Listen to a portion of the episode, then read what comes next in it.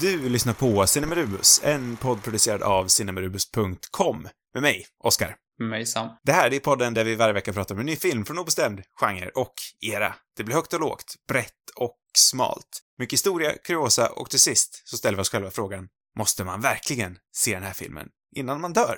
Det är fortfarande skräcktober. Och temat, det är ju, som vi nämnde förra veckan, väderskräck. Det här blir det andra och sista avsnittet på vår eh, komprimerade temamånad. Mm. Eh, och vi tänker väl egentligen inte att vädret ska bli så, eh, så annorlunda heller, utan vi, vi, vi håller oss kvar vid dimman. Det är väldigt nischad typ av väderskräck. Dim, Lite så, dimskräck. Jag övervägde att döpa det till dimskräck, men jag tyckte att det lät så fult. Väderskräck var bättre ändå. Ja, Vad finns det annars för Eh. klassiska väderskräck? Det är också det jag har suttit och tänkt lite på. Dimma är ju typiskt. Det känns ju väldigt skräckkompatibelt. Det finns ju någon film som ska vara rätt bra som eh, utspelar sig typ på en... eh, Jag tror att den heter Frozen, och då är inte den Frozen. Nej. Utan eh, den utspelar sig i en skidlift. De fastnar i en skidlift. Det är Mitt verkligen djupaste vintern. begränsad yta. Om man tyckte att The Ja. Thing är en begränsad yta, som vi nog nämnde förra veckan. Nej, men det, det konceptet har någonting, så den hade jag väl kanske kunnat snacka om någon gång. Mm. Eh, men vilka mer liksom...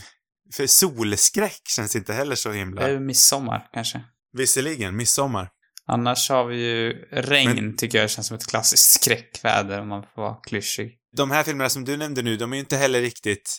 Det är inte, vädret Nej. är inte centralt Nej, det är till skräcken. Du har, du har De rätt. utspelar sig i regn, de utspelar sig i, i sol. Men det är inte solen som är skräcken. Det är inte regnet som är Nej. skräcken. Nej, jag som tänkte nämna The, The, The Shining också, men det är ju inte heller... Det är bara att det är snöigt. Precis, så det, det faller inte heller riktigt in i tema väderskräck. Okej, men ja, på något sätt så här väderskräck börjar ju närma sig någonting.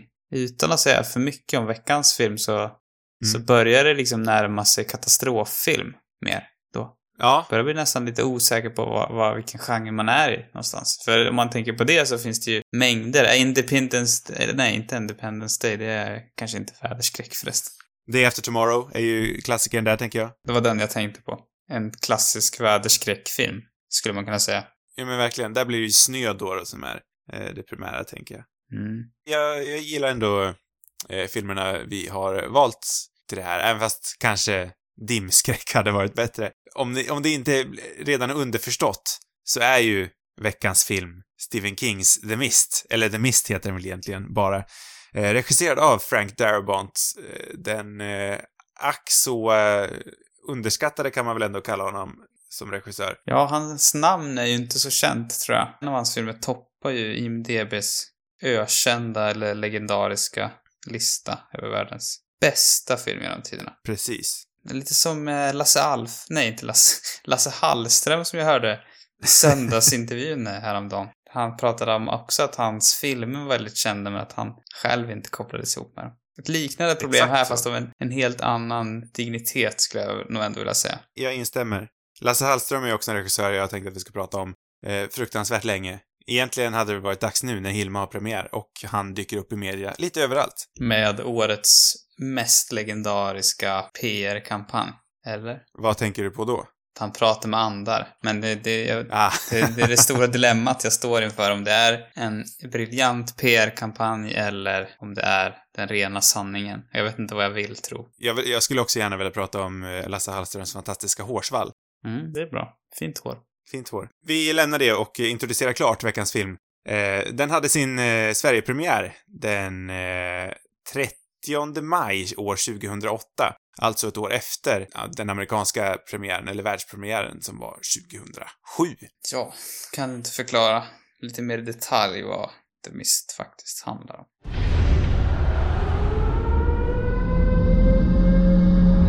What's going death.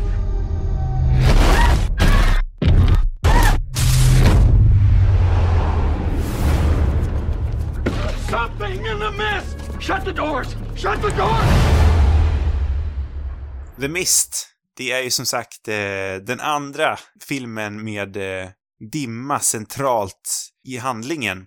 Och jag tycker också att det är lite roligt att veckans eh, film om dimma, den utspelar sig på östkusten, Amerikas östkust. Mm, Medan det. förra veckan var på Am- Amerikas västkust. Så vi har liksom båda, vi har motpolerna här i dimskräckens värld. Ja, vi sa det förra veckan att vi skulle försöka ställa dem lite grann mot varandra också. I det här avsnittet. Precis. Nej men summa summarum är väl egentligen att den här filmen har ganska snarlik handling. Det dyker upp en mystisk dimma i det här kustsamhället. Den här gången så är det i Maine. Eh, föga förvånande för det, de som har eh, någorlunda koll på Stephen Kings oeuvre. Eh, alla hans eh, alster utspelar sig väl eh, så gott som i Maine. En mystisk dimma väller in över det här lilla kustsamhället och i dimman gömmer det sig någonting mystiskt. Men vad är det som är den riktiga skräcken? Är det dimman och vad det som döljer sig där i? Eller är det människorna som gömmer sig för dimman och vad som händer med oss när vi ställs mot varandra? Mm. Eh, I eh, huvudrollerna så har vi ju en eh, drös av eh, Frank Darabonts frekvent återkommande medarbetare.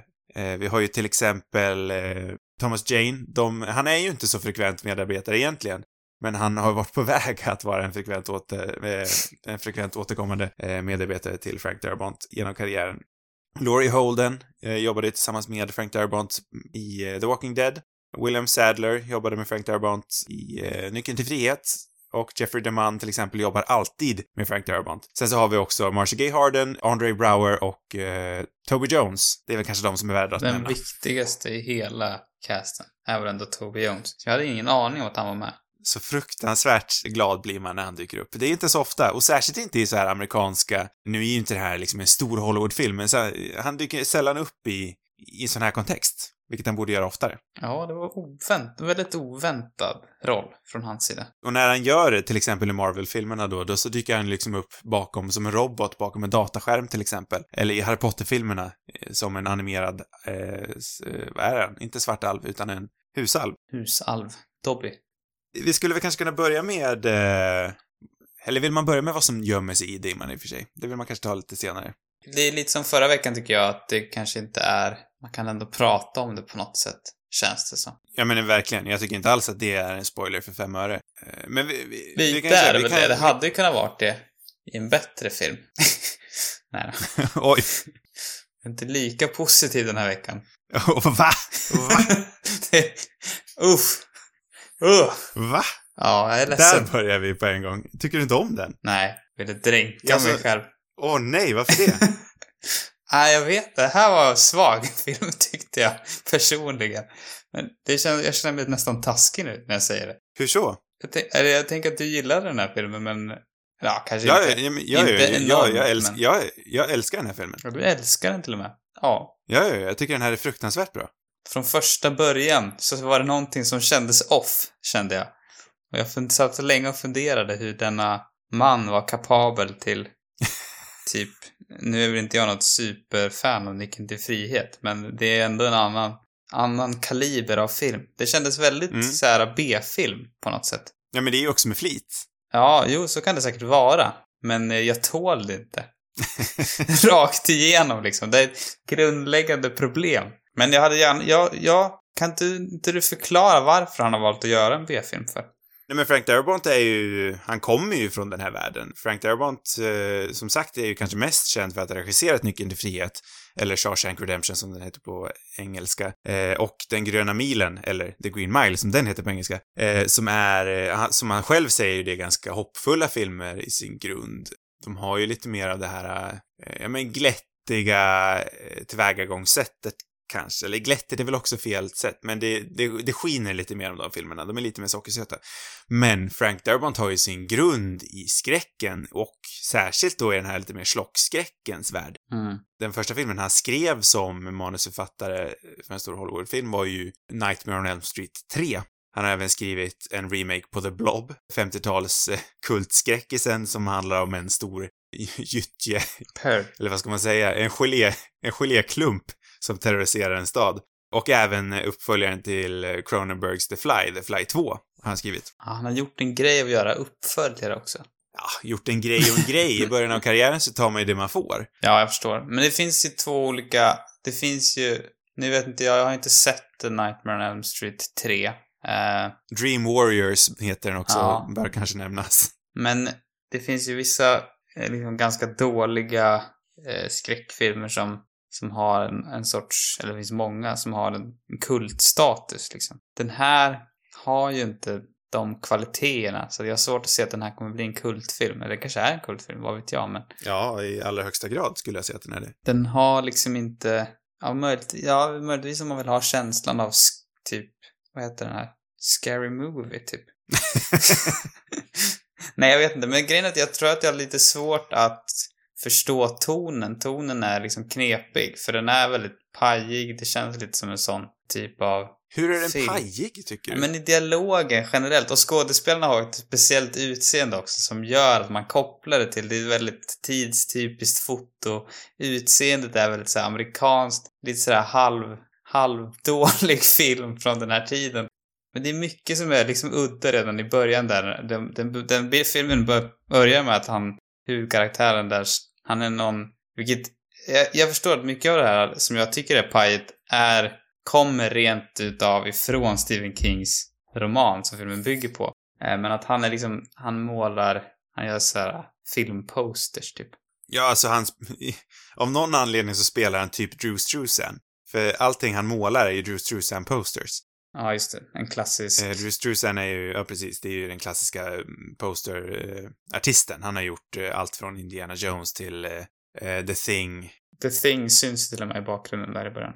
Ja, men precis. Och eh, även eh, affischen som Thomas Jane målar är ju, eh, vad heter det, framsidan på boken till eh, mannen utan, eh, vad heter de nu? The Gunslinger, eh, Det mörka tornet, så heter det. Jaha, okej. Dark Tower, Just Stephen det. Kings eh, kanske mest uppskattade bokserie i alla fall. Och en hommage helt enkelt då.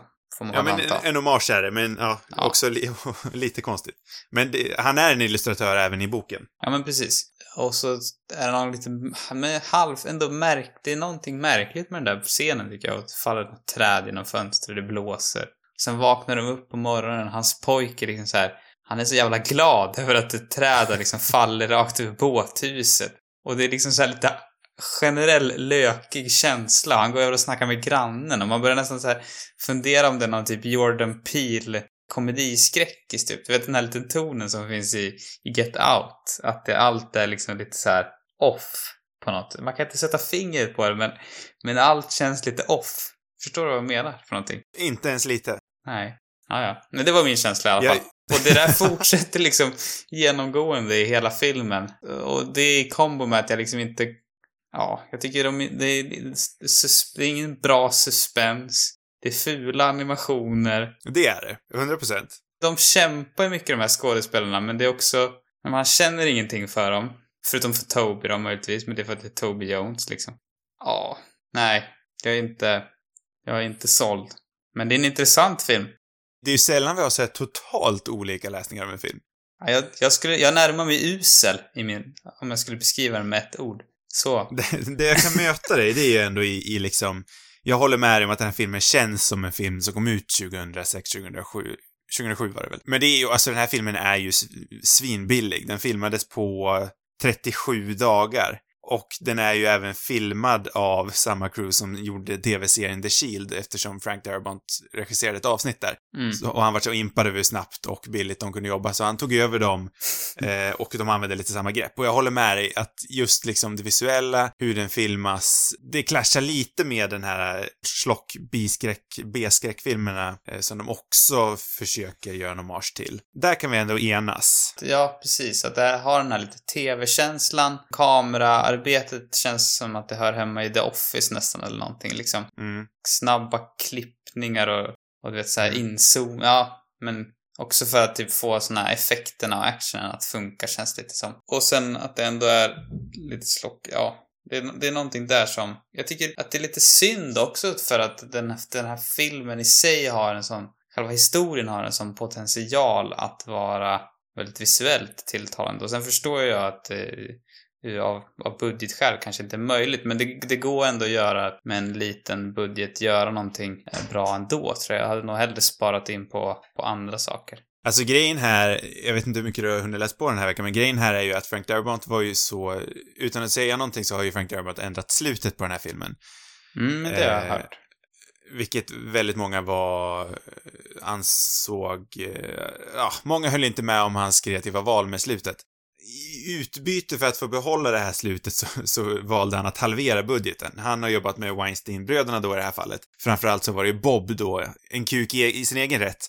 Kanske inte riktigt lika kukig som Harvey. Men det är min uppfattning att det är Bob han har, han har eh, arbetat mest med i det här fallet. Och han erbjöd sig då att dubblera budgeten om de ändrade slutet. Men eh, Frank Darabont tyckte om det här slutet så mycket så att han valde att eh, nej men att vi gör den här filmen för mycket billigare peng så länge jag får full kreativ eh, frihet. Och det här slutet kommer vi komma in på mer sen. Ja, men det tycker jag ändå att han ska ha en praise för. Alltså det, Mm. det, det uppskattar jag. Jag tror att man hade kunnat gjort något som kändes annorlunda med, med en liten budget. Alltså man har ju sett ganska många riktigt bra filmer på obefintliga budgetar. Så att jag, jag vet inte. De måste ju ändå ha lagt ganska mycket pengar på de här ganska usla specialeffekterna. Skulle jag gissa.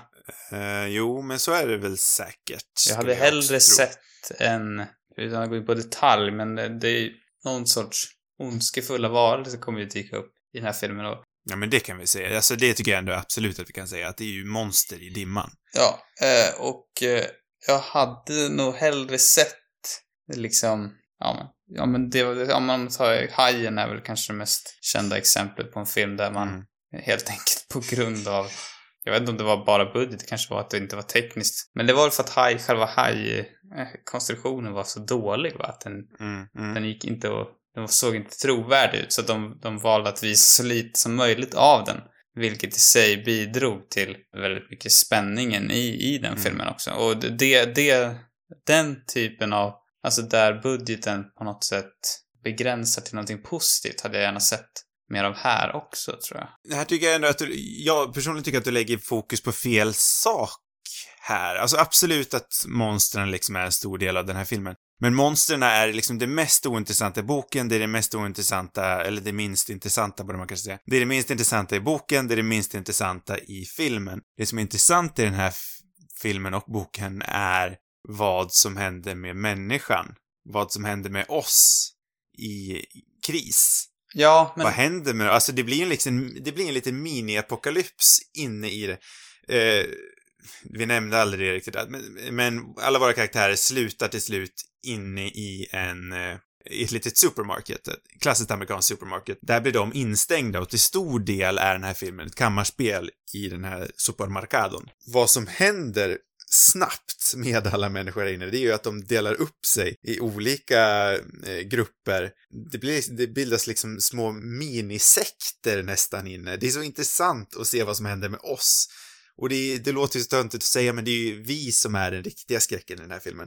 Monstren är fullkomligt ointressanta. Där håller jag helt med dig. Jag tror du missförstår mig lite grann när jag fokuserar på monstren. Det jag på något sätt vill komma med det är att jag tycker att det ligger för mycket fokus på dem. För att, precis som du säger, det som är intressant är det som händer mellan människorna och inte vilka monster som, som attackerar. Och jag Mm. känner med den här tonen och liksom ganska beiga känslan så funkar inte riktigt liksom dramat i filmen för mig. Eh, hade det gjorts med, med, med, med ett mer...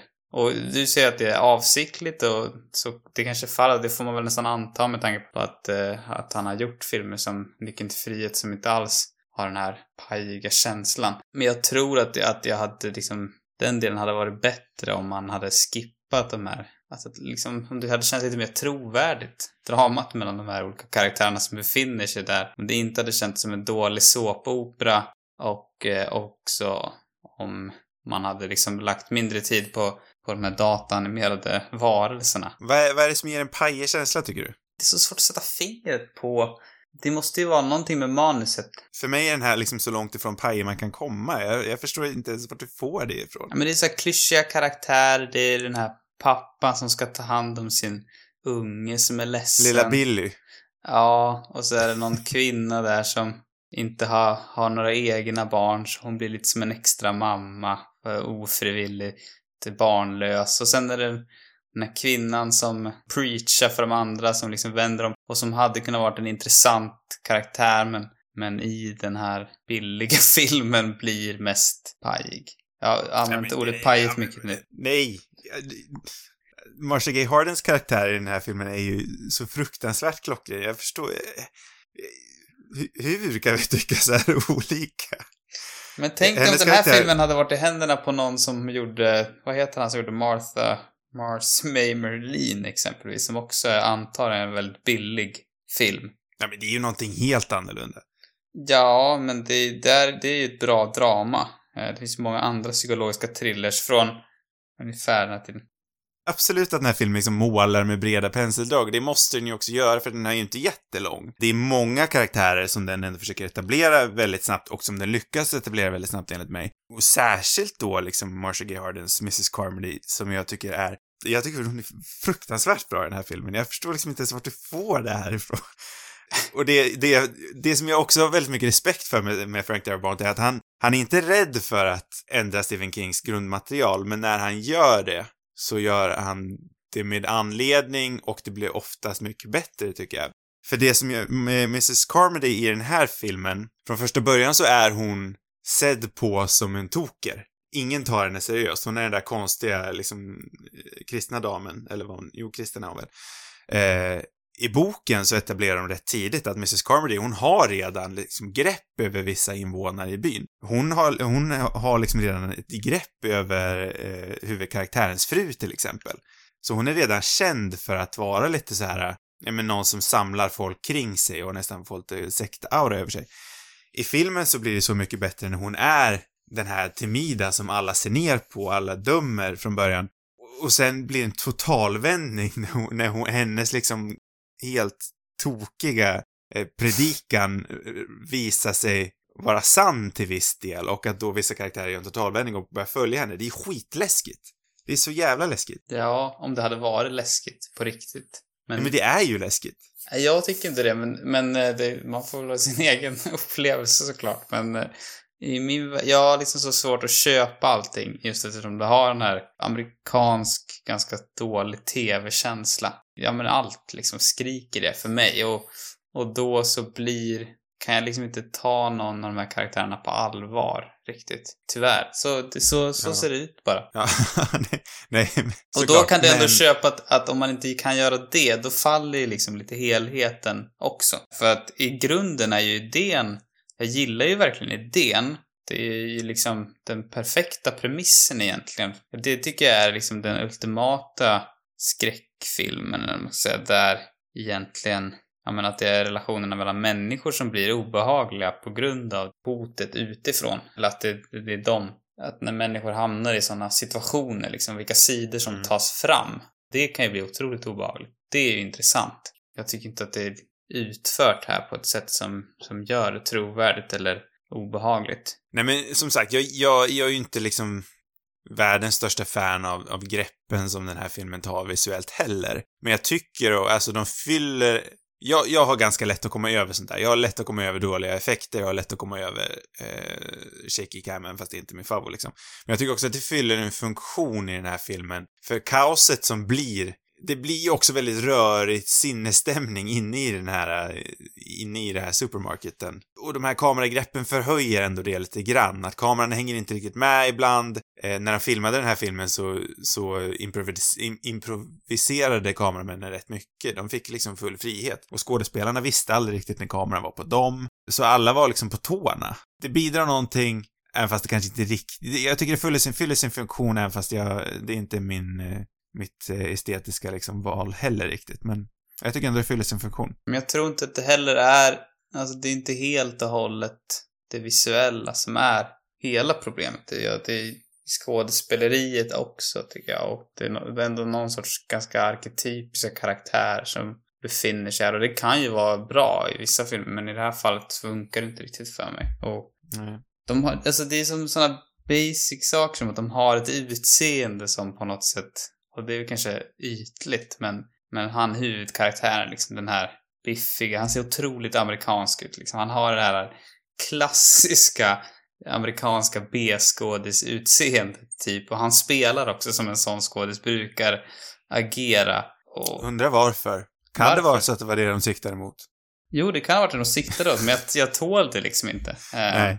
Så att, eh, och han den här advokaten är som liksom, han känns ju nästan som att han är här hemma i en sån eh, Saturday Night Live-sketch, typ.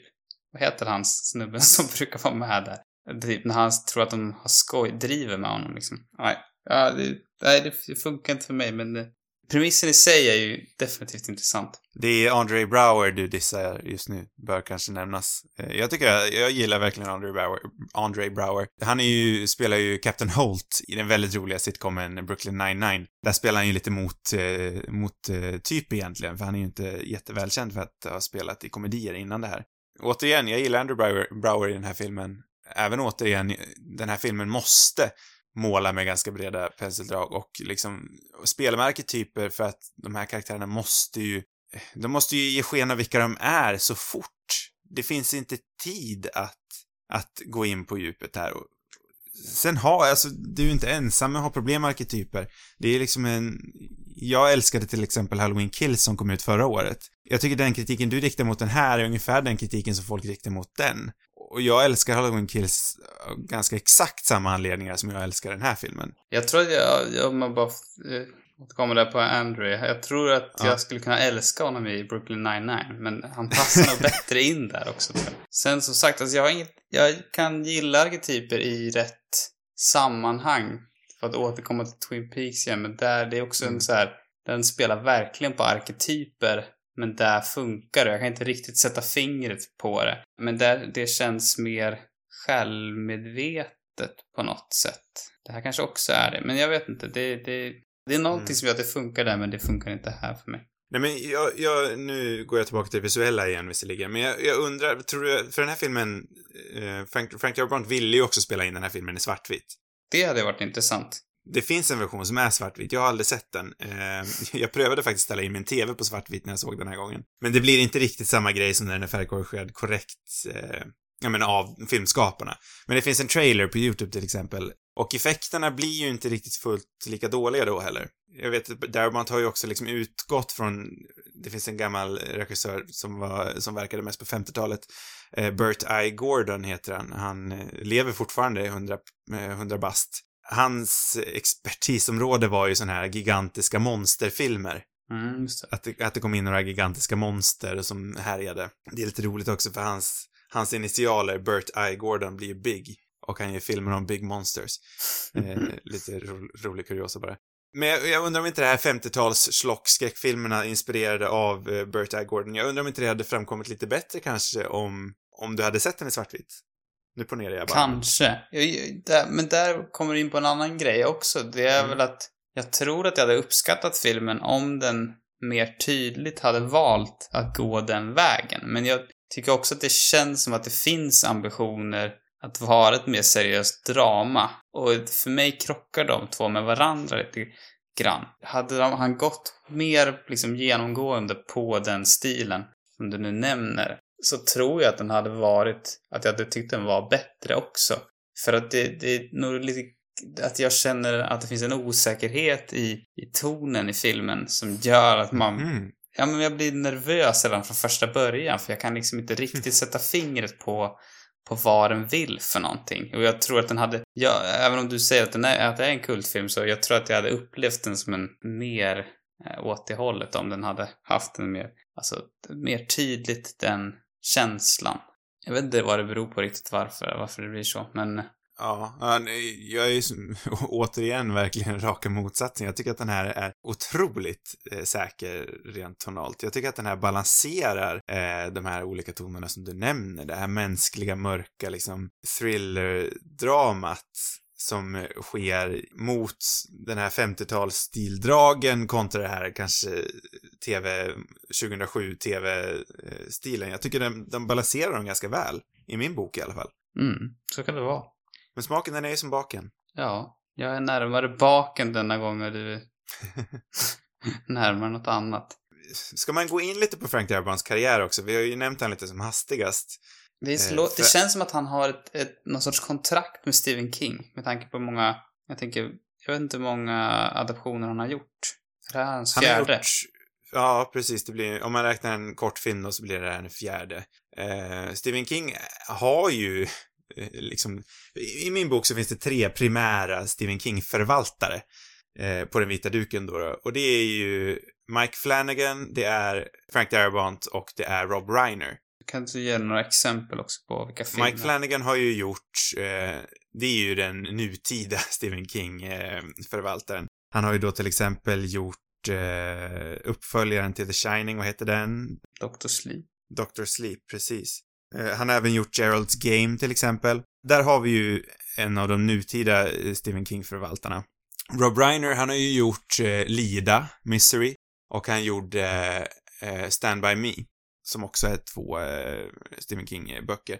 Sen så har vi ju Darabont då som kanske är den primära eh, Stephen King-förvaltaren och den som Stephen King eh, litar mest på. De är ju två, har ju blivit två eh, väldigt bra kompisar. Det hela började ju med eh, Frank Darabonts absolut allra första film som heter eh, Kvinnan i rummet, eller The Woman in the Room, som då är en kortfilm eh, och Frank Darabont hörde ju bara av sig till Stephen King out of the blue liksom och frågade hej, jag vill ha rättigheterna till den här, kan jag få göra den? Och det var starten på en A Beautiful Friendship. Ja. Sen så fick han eh, rättigheterna till eh, Shawshank, Green Mile och sen till slut den här då. Eh, och, och, som sagt, Stephen King litar ju också väldigt mycket på Frank Darabont. Han låter honom ändra grejer. Eh, Stephen King själv tycker att slutet på den här filmen eh, är bättre än slutet som han skrev i boken. Mm. Eh, Frank Darabont ändrade ju också slutet i eh, Shawshank Redemption. Nu vet jag inte vad Stephen King tycker om det, men antagligen så har han ingenting emot eftersom de har jobbat ihop så mycket efteråt. Ja. Jag, jag, som sagt, jag tycker ändå att Frank Darabonts karriär är så intressant, för han har gjort, som du nämnde i början, han har gjort, säg, alltså tyck vad man vill om IMDBs topp 100-lista. Shawshank Redemption har varit på toppen där hur länge som helst. En av tidernas kanske mest sedda film, även fast den inte var en hit när den kom ut.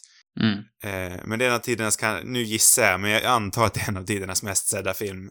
Eh, en av tidernas mest omtyckta film. Den är ju ändå- mest, alltså det, nu var det länge sedan jag såg den, men jag minns det som en mästerlig film också. Det, Ja, jag tror att man den hamnar det. lätt i att man liksom hånar den nästan för att den just är på IMDBs topp. Mm. Men, eh, Ja, men den är, den är, alltså den är skitbra. Man hade oberoende vilken film som hade hamnat där, hade man ju på något sätt ändå hånat det, kan jag tänka mig. Jo, men lite så hade det ju säkert varit. Eh, Gröna milen är lite för lång, men den är också skitbra. Jag har aldrig sett The Majestic, som är hans tredje film. Och sen då den här, och sen efter The Mist så gjorde han Walking Dead. Och det var väl där någonstans det fallerade. Han gjorde två säsonger av The Walking Dead. Det var väl de två åren The Walking Dead var bra. Mm. Sen så sparkade AMC Frank Darabont för att han, eh, han vill ha det som han vill ha det helt enkelt. Han kan säkert vara lite av en kuk, det skulle inte förvåna mig. Och i sin tur då så stämde ju Frank Darabont AMC. Och i och med det här så har ju Frank Darabont, enligt Thomas Jane då, jag har alltid undrat varför, men enligt Thomas Jane så har ju eh, Frank Darabont blivit svartlistad på grund av att han stämde AMC, för så gör man inte. Nej, okej. Och därav har ju en av, en regissör som liksom, i min bok aldrig har gjort en dålig film. Återigen, jag har inte sett The Majestic. Eh, Det är många som inte tycker om den, men, eh, ja, nej, jag tycker det är underligt. Den? The Majestic egentligen. 2003 kanske, gissar jag. Kanske lite tidigare. Ah, Det är med- Det är med eh, Jim Carrey i huvudroll. Mm. Nej men, Frank Darabont har ju också, han har ju liksom varit, varit känd som en, så, här, en så kallad script doctor, en manusdoktor. En sån här som kommer in och, ja men, rättar manus, eller han, han, han hjälper manus när de är skrivna. Han liksom kommer in och fixar till scener. Han har, han har hjälpt med manusen till allt från eh, Saving Private Ryan till Godzilla som kom ut 2014. Det var väl det sista projektet han har gjort, tror jag. Kanske att han har gjort någonting efter det, men min uppfattning är att Godzilla 2014, det är det sista han har gjort i Hollywood. Det här var också ett exempel på en, en riktigt bra monsterfilm, tycker jag. Jag med. Jag tycker också den är Kanske jättebra. årets, eh, årets, kanske årets besläktade rekommendation. Nej, men ve veckans kan det absolut få vara. Det Där, det är ju en film som mästerligt eh, jobbar med spänning, tycker jag. Och inte Verkligen. avslöjar sig. Och som också är, den har ju uppenbarligen en betydligt större budget än vad The Mist har. Men den är ju väldigt, jag måste ändå säga att den, den har en sorts visuell eh, känsla som eh, sticker ut. Alltså, sticker Ja. ut i den klassen. Den har någon, en sorts sofistiket, sofistiket. Du förstår vad jag menar för någonting. Den, Den är sofistikerad. ja, den känns sofistikerad i, i, sina stildrag, eh, som Mm. är ganska ovanligt i den genren. Det är skittråkigt vad de gjorde med den serien efteråt. Nu är det liksom jätte... Jag har inte sett något mer, töntigt. men man, Jag hatar de nyare filmerna. Jag tycker den första är så bra. Ja, den känns ju underskattad. Ja, verkligen. Eh, ja, Nej men så Frank Darabont, han har alltid varit en respekterad människa liksom. Han har jobbat jättemycket med eh, Steven Spielberg till exempel. Det är ju en människa som liksom bransch, branschens liksom bästa människor litar på. Han är den här som kommer in och fixar manus. Han är, han kan story. Om det är någonting Frank Darabont är så är det en bra författare. Mer än regissör. Så i min bok är det liksom helt otroligt att han inte får jobba idag. Nej. Att han, att han liksom inte ens tillåts verka i, i moderna Hollywood. Det är liksom en tragedi, för så gammal är han inte ens. Oav, oavsett vad du tycker om The Mist så kan du väl ändå hålla med om att det låter lite konstigt? Ja, men jag, jag tror att det var The Mist som var hans stora misstag. Det är därför. Fast han gjorde Ja. The Walking Dead som uppenbarligen är enorm succé. När han liksom kickade igång det. Mm. Och som du säger är de bästa två säsongerna. Sen så kan jag börja, efter att ha sett den här filmen så funderar jag ju på, nu har jag väl inte lockats av Walking Dead tidigare heller, men det hamnade inte högre upp på tittarlistan efter den här filmen. Men du behöver inte påbörja The Walking Dead, det är liksom, it's done, it's over. Men Kommer The Walking. Dead är också, alltså hans säsonger, det, det är exakt, det, det som gör de, de säsongerna bra är exakt samma grej som gör den här bra. Där har han ju ännu mer tid att, att jobba med det. Det är ju de här internkonflikterna. Mm. Det är vad som händer oss sinsemellan som är den riktiga skräcken. Det är inte monstren, det är inte zombierna. Nej. Och det är det han gör så himla bra, tänker jag.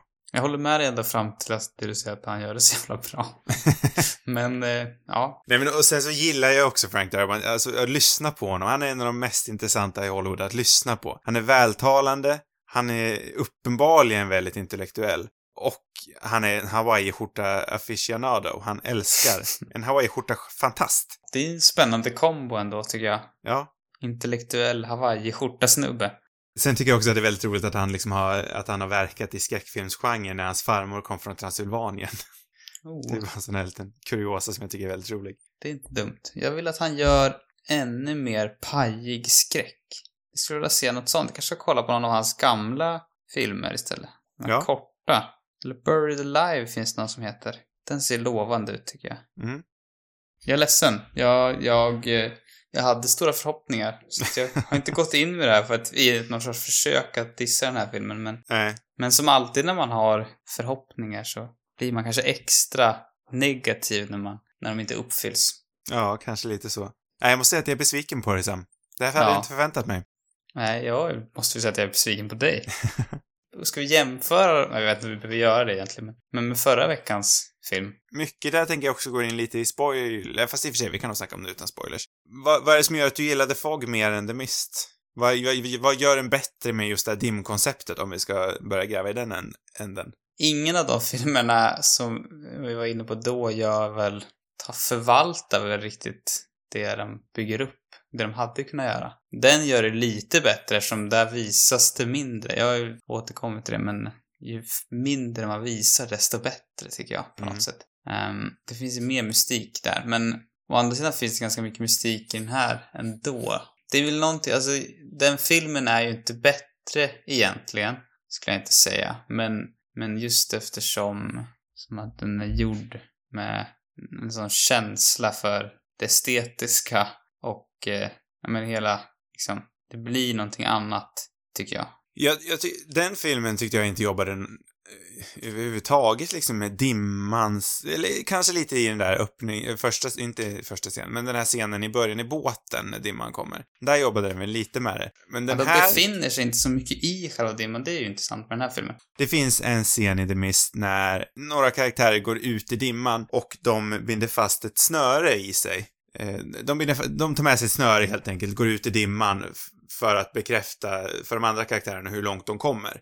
Mm. Helt plötsligt så rycker det till i snöret, det flyger iväg, man hör skrik i bakgrunden. De, de drar in snöret och tillbaka kommer kroppsdelar. Där arbetar Frank Darabont, tycker jag, visserligen kommer det såklart också från boken, där arbetar Frank Darabont och eh, Stephen King med, eh, med det okända på ett sätt som, ja men, dimskräcken, om vi nu kan kalla det så, som dimskräcken verkligen liksom förtjänar. Det är ju som jag nämnde förra veckan, det är ju det okända som är, är det bra med dimman som koncept. Ja, men jag tycker de scenerna är bland det mest effektiva i den här filmen.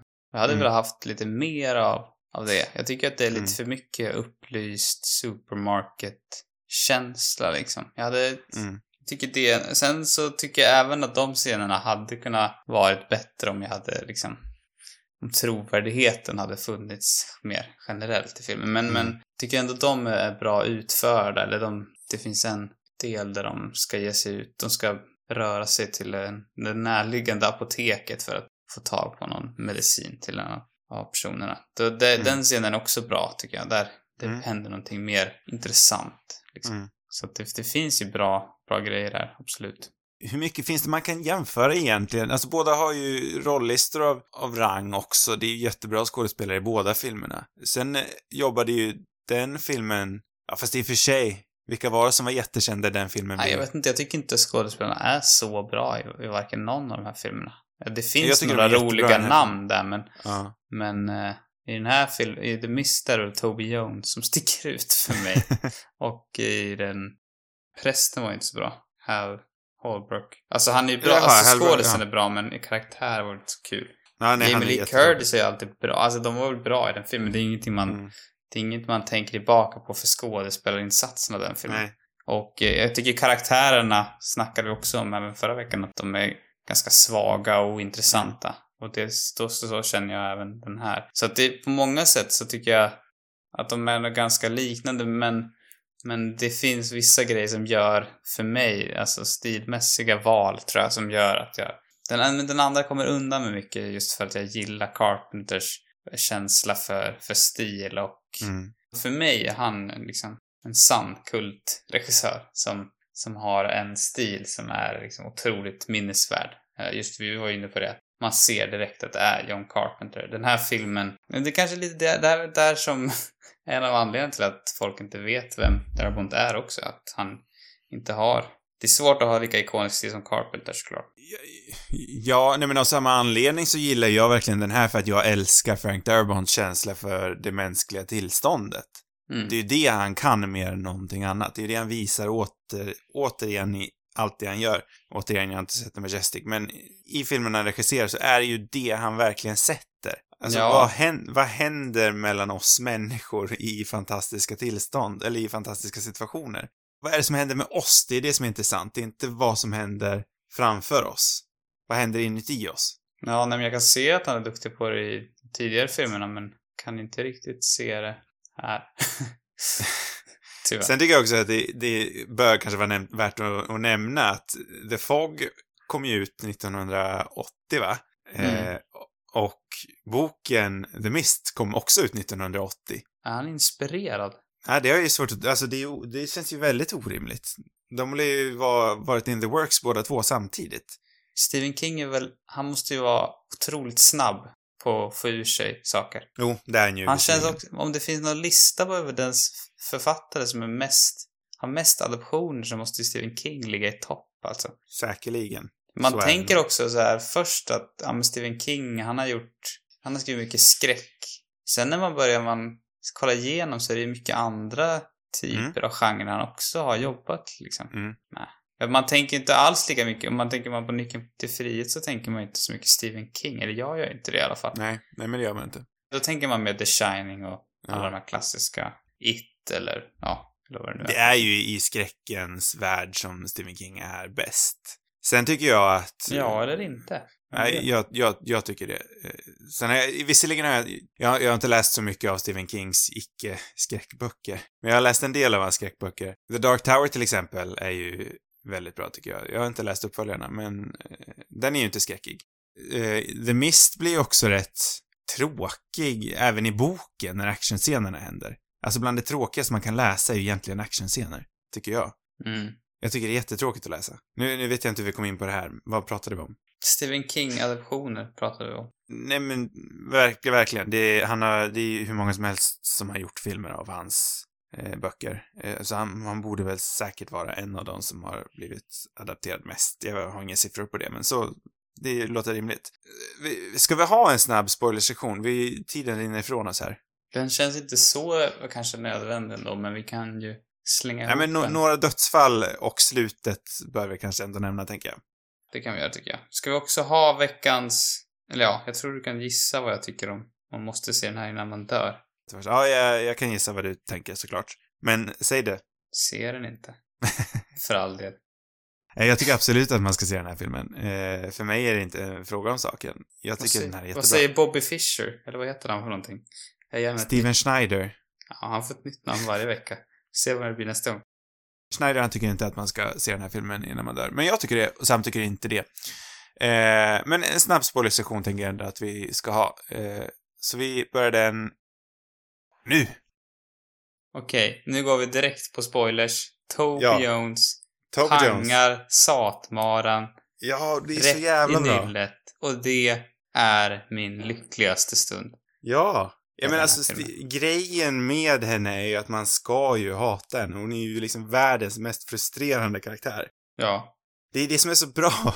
Återigen, det är det, alltså, jag- Darabont fångar verkligen det här mänskliga tillståndet. För han, jag både jublar för att hon dör, men samtidigt är det fruktansvärt. Och även om man inte hade varit oskyldig så är det fortfarande fruktansvärt att någon har mördat någon. Mm. Och det framkommer verkligen, den här eh, tonala skevheten i, i det här ögonblicket. Jag tycker Vad att det framkommer. säger du tonala skevhet? Ja, men det är tonal skevhet som funkar. Alltså det är en tonal Jaha. skevhet med flit. Ja. Jag tänker att i en bättre film så hade det känts mer hemskt. Liksom så här, oj, vad, tänk vad det här har gjort med denna goda, godhjärtade man. Men nu kändes det, för mig var det mest kul bara. Så det, det säger väl någonting om min upplevelse av filmen. Nej, men Sen för finns det, det, inte så mycket mer att säga om, om just det, tänker jag. Att, att Nej. hon dör. Eller ja, du kanske hade någonting. Nej, men det, det jag bara tänker är ju att, att de tar sig tid, återigen, det händer ju också i boken, så det blir lite svårt att ge... Det här är ju sån otroligt, liksom, trogen adaption, så det är svårt att ge Darabont mycket cred också. För det absolut allra mesta är liksom en beat for beat adaption av boken. Men att de ändå väljer att ge Toby Jones det här ögonblicket direkt efter, när han är ledsen. Att han är ändå upprörd att han har mördat någon. Det räddar det här ögonblicket för mig. Det vänder det sådär. Jag tycker det blir jättebra. Det- Ja, för mig är det bara fint. Fint. Ett fint ögonblick. Det här slutet då, så om vi ska ge oss in på det också. Ja, ändå... det är, väl, det är väl absolut det man liksom... Det går inte att prata om den här filmen utan att eh, prata om slutet. Det här är ju ett otroligt omtalat slut. De ger sig ut på vägarna för att fly Ja. med en begränsad tank. Det är en dum idé ändå. Men det, Mm. den bygger på hoppet. Mm. Och det har ju spårat där inne. I supermarkadon, så att säga. Hur slutar Stephen Kings eh, roman? Du som har läst den. Alltså grejen... Hur skiljer det De, sig? de, de får... Jag såg ju filmen först. Eh, och de får det ju att låta som att bokets, bokens slut är helt annorlunda. Men så annorlunda är det ju inte. De bygger ju till och med... Alltså att Frank Darabont kommer på den här idén är för mig inte alls otroligt. För Stephen King bygger till och med upp för att det här ögonblicket ska hända. Sen så väljer han att inte göra det. Det känns som att han har inte ballar av stål nog för att nå det här becksvarta ögonblicket som det här slutet når. Men i boken så säger han ju till och med, eh, ja men de hoppar in i bok, eller i bilen där som du säger, tanken är nästan tom. De har begränsat, Toby Jones har nyss dött, de har ett begränsat antal kulor i pistolen. Eh, Jeffrey DeMans karaktär är inte med i bilen i boken, men det är inte så viktigt. Men tanten, Laurie Holden och Billy såklart, låt oss inte glömma Billy, och Thomas Jane sitter i bilen, pistolen har inte nog med skott. Och då säger Thomas Janes karaktär någonting i stil med att jag hittar en annan lösning för mig själv. Någonting sånt säger han. Där antyder han ju till och med på vad det är som skulle kunna hända. Så att Frank Darabont kommer på det här ögonblicket, det är liksom, ja men det är ett öppet mål. Men så i boken slutar det mer öppet. Det är ingen som dör. Precis, det är ingen som dör. Boken slutar med att han hör, ja, sammanfattat så slutar det med att han tror sig höra en radiosignal. Där han liksom ändå får hopp till att räddningen finns där ute. Sen är han inte säker på om han hörde det eller om det är en dröm. Men den Vänta, har slutar han med... dödat alla andra i bilen? Nej, alla, alla lever. Aha, okej. Så den slutar lite mer hoppfullt, eller? Den slutar Fast hoppfullt. All, öppet. alla lever, kanske finns räddningen där ute. Mm. Eh, medan filmen liksom slutar i typ becksvart. Alltså det, det är så otroligt mörkt vad som händer. Det är exakt samma situation, de åker iväg, det, det är kaos inne i supermarketen. Toby Jones har nyss skjutit Marsha, Marsha Gay Harden och springer ut. Toby Jones blir mördad, rest in peace, jättetragiskt. Eh, sen är det även ett jättebra bit här, för de är flera som springer ut. Några av dem tappar bort sig i dimman och Thomas, Thomas Jane med company måste åka vägen då. Och sen när de åker förbi supermarketen så ser de att en av de här människorna som blev förlorade i dimman har blivit tvungen att gå tillbaka, så nu är han fast där med alla andra galningar i supermarketen. Så de lämnar i överlever förmodligen. Ja, det är frågan. Jag, jag har ju också en stor fråga om det här slutet, men det kommer jag till alldeles strax. Eh, så de åker iväg, de har x antal skott i, i pistolen, bensinen tar slut, stora monster överallt. De inser att nej, vi måste ta livet av oss själva.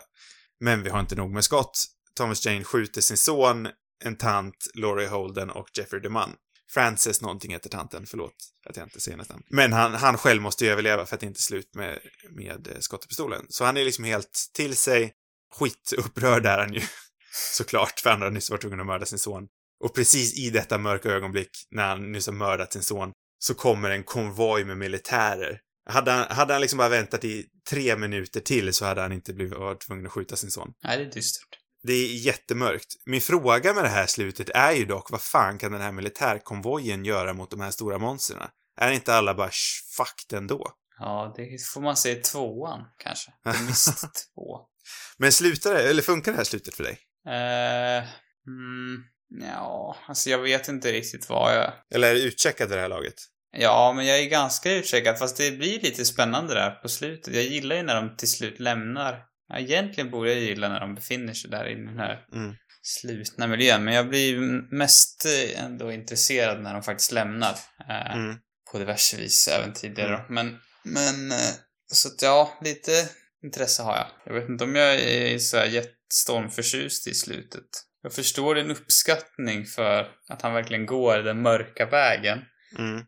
På samma gång som jag är mer för... Nu verkar du tolka det som... Du tolkar det ju ganska öppet det här slutet ändå. Nej, men det gör jag. Alltså, jag, jag tolkar det ändå som att eh, militären ska vara räddningen. Men min, min, min eh, kritiska hjärna ifrågasätter hur fan ska de kunna överleva ändå? Det kvittar hur mycket vapen det finns. Man har ju nu sett ett gigantiskt jävla monster. Ja, men om man inte tolkar det öppet då, då Mm. som jag nog ändå gjorde, då är nog inte helt jätteförtjust. Jag är ju mer... Gillar ju generellt öppna slut mer.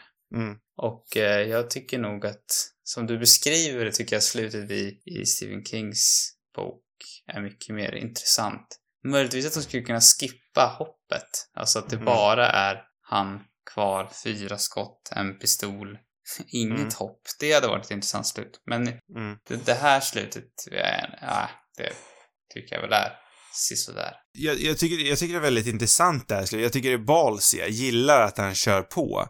Sen kan jag faktiskt hålla med dig om att kanske hade det till och med varit ännu bättre med bara antydan att han kommer skjuta de andra. Men det är Mm. någonting med det här liksom, the balls of it, att han nyss har mördat sin son och då så blir han räddad. Det är någonting ganska balt med eh, modet i det kreativa valet. Absolut.